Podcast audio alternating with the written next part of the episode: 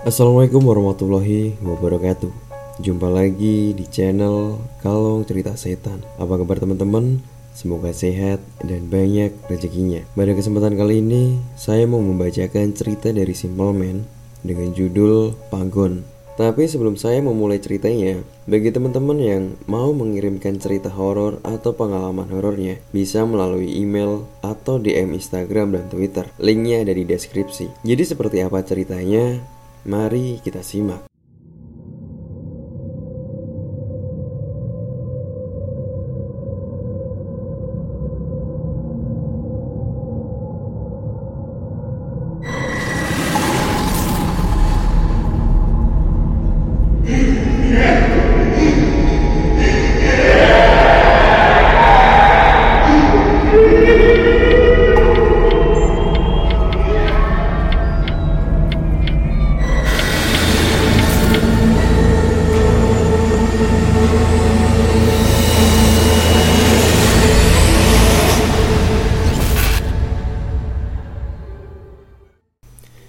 Saya ingat saat itu saya duduk di bangku SMP. Saat pertama kali saya mendengar cerita ini dari teman dekat saya. Yang mana kejadiannya terjadi pada saat saya menginjak bangku SD. Alias pengalaman teman saya ini sudah dia pendam selama kurang lebih 3 sampai 4 tahun yang lalu. Panggil saja teman saya ini Agung. Dulu saat SD bersekolah di sekolah Islam yang mana dia punya sahabat, seorang anak dari keluarga kaya raya, juragan dari penjual bahan-bahan bangunan yang cukup punya nama di kota tempat saya tinggal dulu. Cerita dimulai saat suatu hari, Agung harus menjadi murid yang pulang paling terakhir dikarenakan Agung yang saat itu belum bisa menghafal salah satu surat pendek yang menjadi kewajiban bagi setiap murid yang bersekolah di SD itu. Saat Agung sedang berjalan pulang melewati gerbang sekolah, langkah Agung terhenti saat mendengar namanya dipanggil oleh seseorang yang ternyata sejak tadi berdiri sendirian menunggu jemputan. Namanya Arif, salah satu murid yang paling mampu di sekolah ini. Agung pun mendekati Arif lalu bertanya, Kenapa dia belum juga pulang, padahal hari sudah sangat siang? Arif pun hanya menggelengkan kepala. Ia berujar mungkin ART yang seharusnya menjemput dirinya ketiduran atau belum sempat datang karena pekerjaan lain. Arif pun lalu meminta Agung untuk menemaninya ke salah satu wartel yang paling dekat dengan sekolahan. Karena pada tahun itu HP masih menjadi salah satu barang yang hanya dimiliki oleh segelintir orang. Agung pun akhirnya menemani Arif ke sebuah wartel tempat orang biasa menggunakannya. Singkat cerita, semenjak kejadian itu, Arif menjadi semakin dekat dengan Agung. Banyak hal yang tidak biasanya Arif bagi dengan orang lain, tapi Agung mendapatkannya. Dan hal ini cukup membuat Agung merasa senang bergaul dengan orang yang memiliki strata ekonomi yang berbeda dengannya. Suatu ketika, Arif mengundang Agung untuk datang ke rumahnya. Sebuah rumah di kawasan orang-orang berada, di mana Arif mau menunjukkan PlayStation 1 yang pada saat itu menjadi barang yang paling diinginkan di kalangan anak-anak. Dan tentu saja, Arif pun langsung menyetujui tawaran itu. Sepulang sekolah, berangkatlah Agung ke rumah Arif menggunakan sepeda pemberian ibunya. Yang mana ini menjadi kali pertama bagi Agung sendiri untuk mengunjungi rumah Arif yang sudah dikenal luas sebagai pemilik salah satu rumah mewah di sekolahannya itu. Dan benar saja, rumah Arif memang besar dan luas, persis seperti apa yang dikatakan oleh teman-temannya sekelas. Untuk ukuran tahun itu, memiliki rumah dua tingkat saja sudah dianggap mewah. Apalagi jika rumah itu memiliki tiga tingkat. Sungguh Agung hanya bisa terkagum-kagum. Tapi, meskipun rumah itu besar dan luas, seperti juragan bahan bangunan pada umumnya, di bagian depan rumah ada semacam toko besar yang langsung terhubung dengan rumah utama tempat transaksi jual beli. Tidak ada yang istimewa dengan hal ini, dan kebanyakan diisi oleh orang-orang yang bekerja di toko bangunan milik Arif ini. Arif pun mengajak Agung masuk. Di dalam rumah yang besar dan megah itu, Agung melihat banyak sekali pintu. Dari garasi ke ruang utama saja, jika tidak salah hitung, Agung sudah melihat 6 hingga 7 pintu yang tidak diketahui isi dari ruangan-ruangan itu. Agung sendiri juga tidak ingin bertanya perihal itu. Karena ia datang ke rumah ini hanya untuk sekedar bermain PS. Singkat cerita, siang itu menjadi hari yang menyenangkan bagi Agung. Bisa merasakan PS yang saat itu masih menjadi barang yang mewah. Namun, ada sedikit kejadian yang aneh, di mana sewaktu Agung dan Arif sedang bermain PS, Tiba-tiba dari arah belakang muncul seorang wanita bertubuh gemuk dengan wajah pucat dan rambut berantakan memanggil nama Arif dengan kosakata yang malas atau lemas. Saat melihatnya, Agung cukup terkejut karena sosok itu tampak cukup mengerikan dengan bentuk tubuhnya. Arif pun lalu berdiri dan berjalan menuju ke sosok wanita itu, sembari bersikap layaknya seorang anak kepada ibunya. Nggih bu, kata Arif saat sudah berdiri di depan wanita itu. Sosok wanita itu beberapa kali melihat Agung dengan tatapan tidak bersahabat. Ia juga tampak tidak suka dengan kehadiran Agung di dalam rumah itu. Dan yang paling menjengkelkan, sosok wanita itu membisik di telinga Arif, yang mana Agung masih bisa mendengarnya. Kurang lebih bisikannya terdengar seperti ini. Itu siapa? Kok kamu ajak ke sini. Suruh dia pulang. Kamu gak butuh temen. Semua ucapan wanita asing itu semuanya membuat Agung merasa tidak nyaman. Tapi dari semua kata-kata yang menyakitkan itu, ada satu kata di mana Arif bersikeras bahwa dia hanya ingin bermain dengan teman sekelasnya yang dijawab dengan sebuah peringatan. Ya sudah, jam 3 suruh dia pulang. Terus kalau di rumah ini jangan diperbolehkan anak itu naik ke lantai atas ya. Arif pun mengangguk. Ia berjanji tidak akan pernah membawa temannya ini naik ke lantai atas di rumah ini. Kurang lebih sudah dua bulanan, Agung selalu datang dan bermain PS di rumah Arif ini.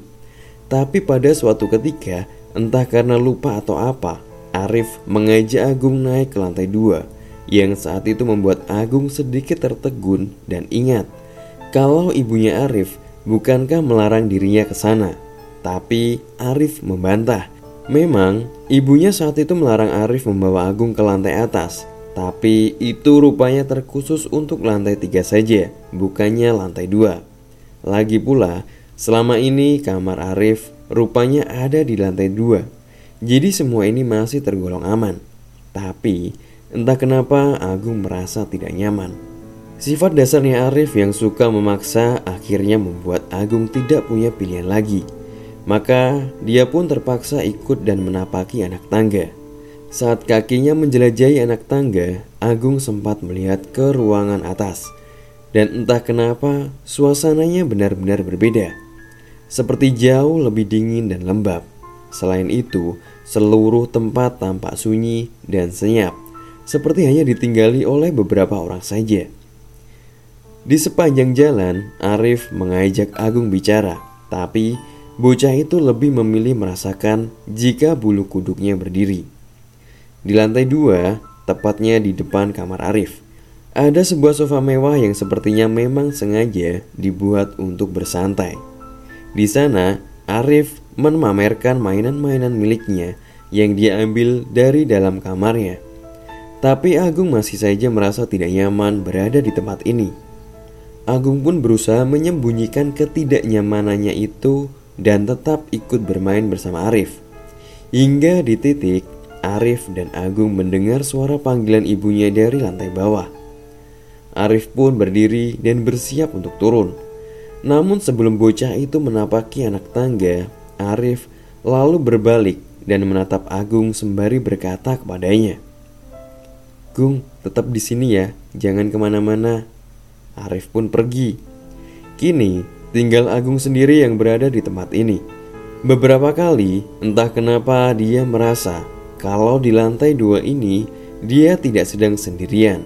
Masalahnya, hawa keberadaan itu tidak bisa dilihat oleh matanya sendiri. Bahkan di sudut-sudut kamar, Agung seperti melihat bayangan atau sekedar kepala manusia sedang mengintip dan menatapnya. Sebenarnya Agung sudah berniat untuk turun dan menyusul Arif, tapi entah kenapa kakinya terasa berat untuk meninggalkan tempat ini. Hingga pada akhirnya, di saat Agung sudah mulai tidak sanggup, ia mendengar suara hentakan kaki dari anak tangga. Arif pun tiba. Arif kemudian meminta maaf kepada Agung karena sudah meninggalkan dirinya sendiri di tempat ini. Sembari ikut bermain bersama Agung, di tengah-tengah permainan itu, tiba-tiba Arif bersikap aneh dengan menatap lantai tiga yang otomatis membuat Agung ikut menatap ke sana. Memang dari tempat itu, Agung bisa melihat sudut lantai tiga termasuk pembatas lantai yang terbuat dari kayu jati itu. Agung sempat merasa heran dengan sikap Arif yang kemudian dia melihat bocah itu berdiri lalu mengatakan pada Agung untuk membawanya ke lantai tiga. Ke atas yuk. Di sana ada kandang burung peliharaan ayahku. Burungnya bagus-bagus. Agus sempat terdiam saat mendengarnya. Tapi Arif yang saat itu berdiri di hadapannya mengulurkan tangan kepadanya. Agung sebenarnya sempat menolak dan mengingatkan Arif dengan pesan ibunya dulu. Tapi Arif berkata kalau tidak apa-apa di rumah ini dan apa yang dikatakan oleh ibunya dulu cuma sekedar peringatan yang biasa. Setelah berbagai alasan, Agung tidak bisa menolak lagi. Ia pun setuju. Maka naiklah mereka berdua. Mereka menapaki anak tangga menuju ke lantai tiga. Di sana, suasana yang sebelumnya dingin dan lembab semakin kentara dan membuat Agung bergidik merinding. Gak apa-apa, di atas ada kamarnya kakakku. Saat mereka menginjak anak tangga terakhir, apa yang dikatakan Arif rupanya benar. Ada sangkar burung yang sangat besar berisikan burung perkutut yang dilepas di sebuah kurungan dari pagar kawat. Selain itu, tempat ini juga memiliki banyak kamar yang keseluruhannya pintu tertutup dengan sofa-sofa yang tak kalah lembut. Rupanya, rumah ini memang besar dan luas dan memiliki banyak sekali kamar-kamar yang mungkin tidak terhitung jumlahnya. Agung tak henti-hentinya melihat burung-burung perkutut itu. Ia suka melihat bagaimana burung itu bersembunyi di rumah-rumah kayu kecilnya. Ada yang sedang mematuk jagung, ada yang sedang berdiri di dahan ranting buatan. Saat Agung sedang menikmati momen itu, Agung sempat melihat ada satu kamar dengan kaca hitam besar di jendelanya. Dari dalam terpantul cahaya TV yang berarti ada orang di dalamnya. Tahu kalau Agung sedang mengamati tempat itu, Arif pun berkata kalau itu kamar kakaknya. Dia sedang di dalam dan menonton TV. Tak lama berselang, Arif kemudian pamit. Dia mau menggunakan kamar mandi yang ada di sudut di samping kamar kakaknya. Dia bilang kalau perutnya sedang mulas. Agung pun mengangguk dan membiarkan bocah itu ke kamar mandi yang ada di samping kamar kakaknya. Saat Arif sudah meninggalkan tempat Agung, Agung tersadar akan sesuatu. Di mana dia melihat rupanya jauh di dalam lorong di lantai tiga ini ada satu kamar yang tampak gelap dengan lampu hidup mati hidup mati yang membuat Agung menjadi penasaran. Ia pun mendekat menuju ke lorong itu.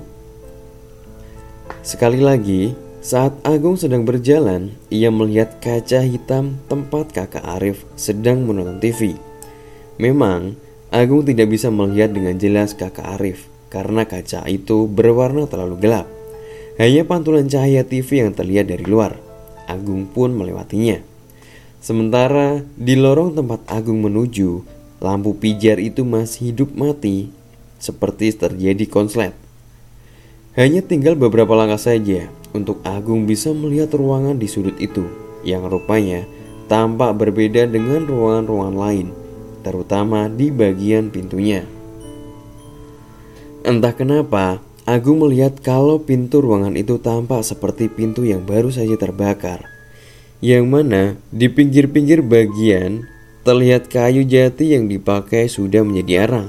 Selain itu, tembok-tembok bercat putih itu dipenuhi jelaga hitam yang menunjukkan kalau ruangan itu memang seperti baru saja terbakar.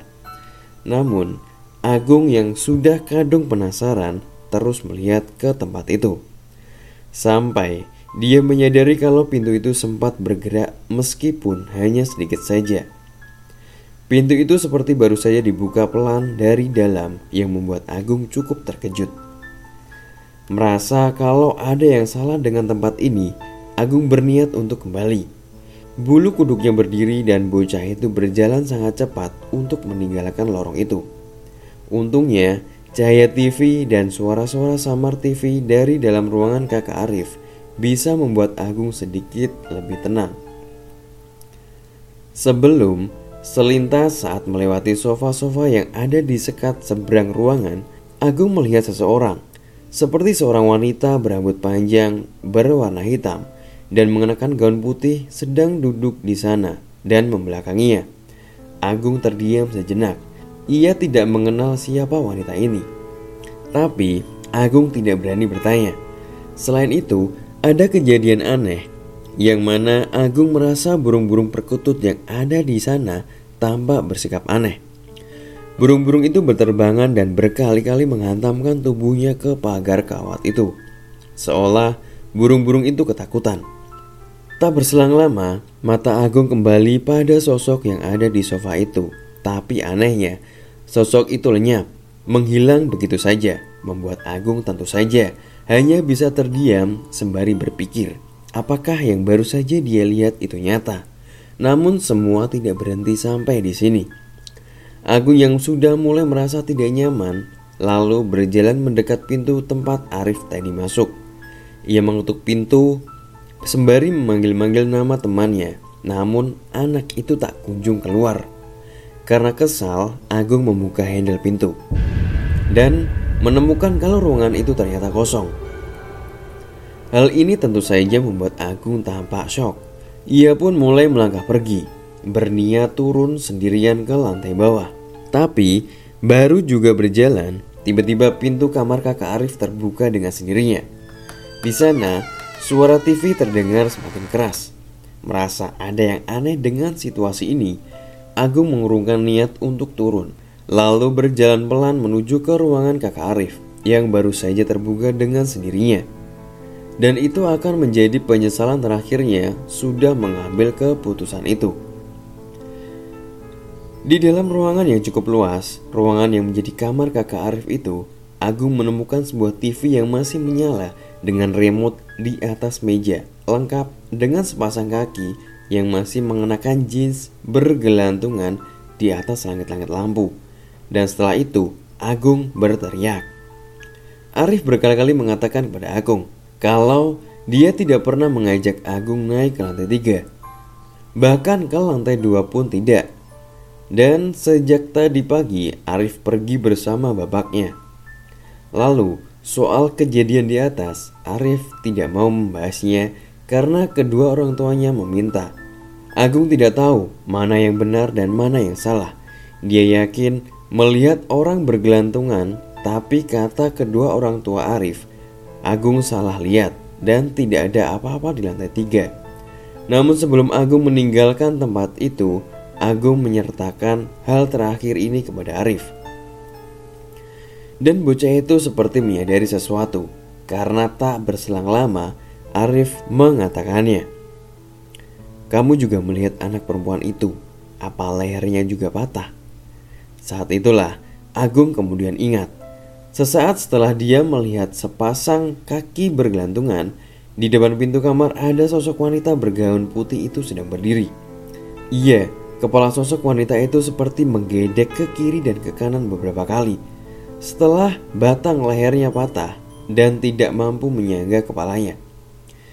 Semenjak kejadian itu, Agung tidak pernah lagi berani datang atau sekedar bermain di rumah Arif lagi. Jadi seperti itu guys, cerita dari Simple Man berjudul Pagon. Sekian cerita kali ini. Bagi teman-teman yang sedang mendengarkan podcast ini atau sedang melihat tayangan ini, jangan lupa untuk dukung terus dengan cara like, comment, share, dan subscribe. Sekian dari saya. Wassalamualaikum warahmatullahi wabarakatuh.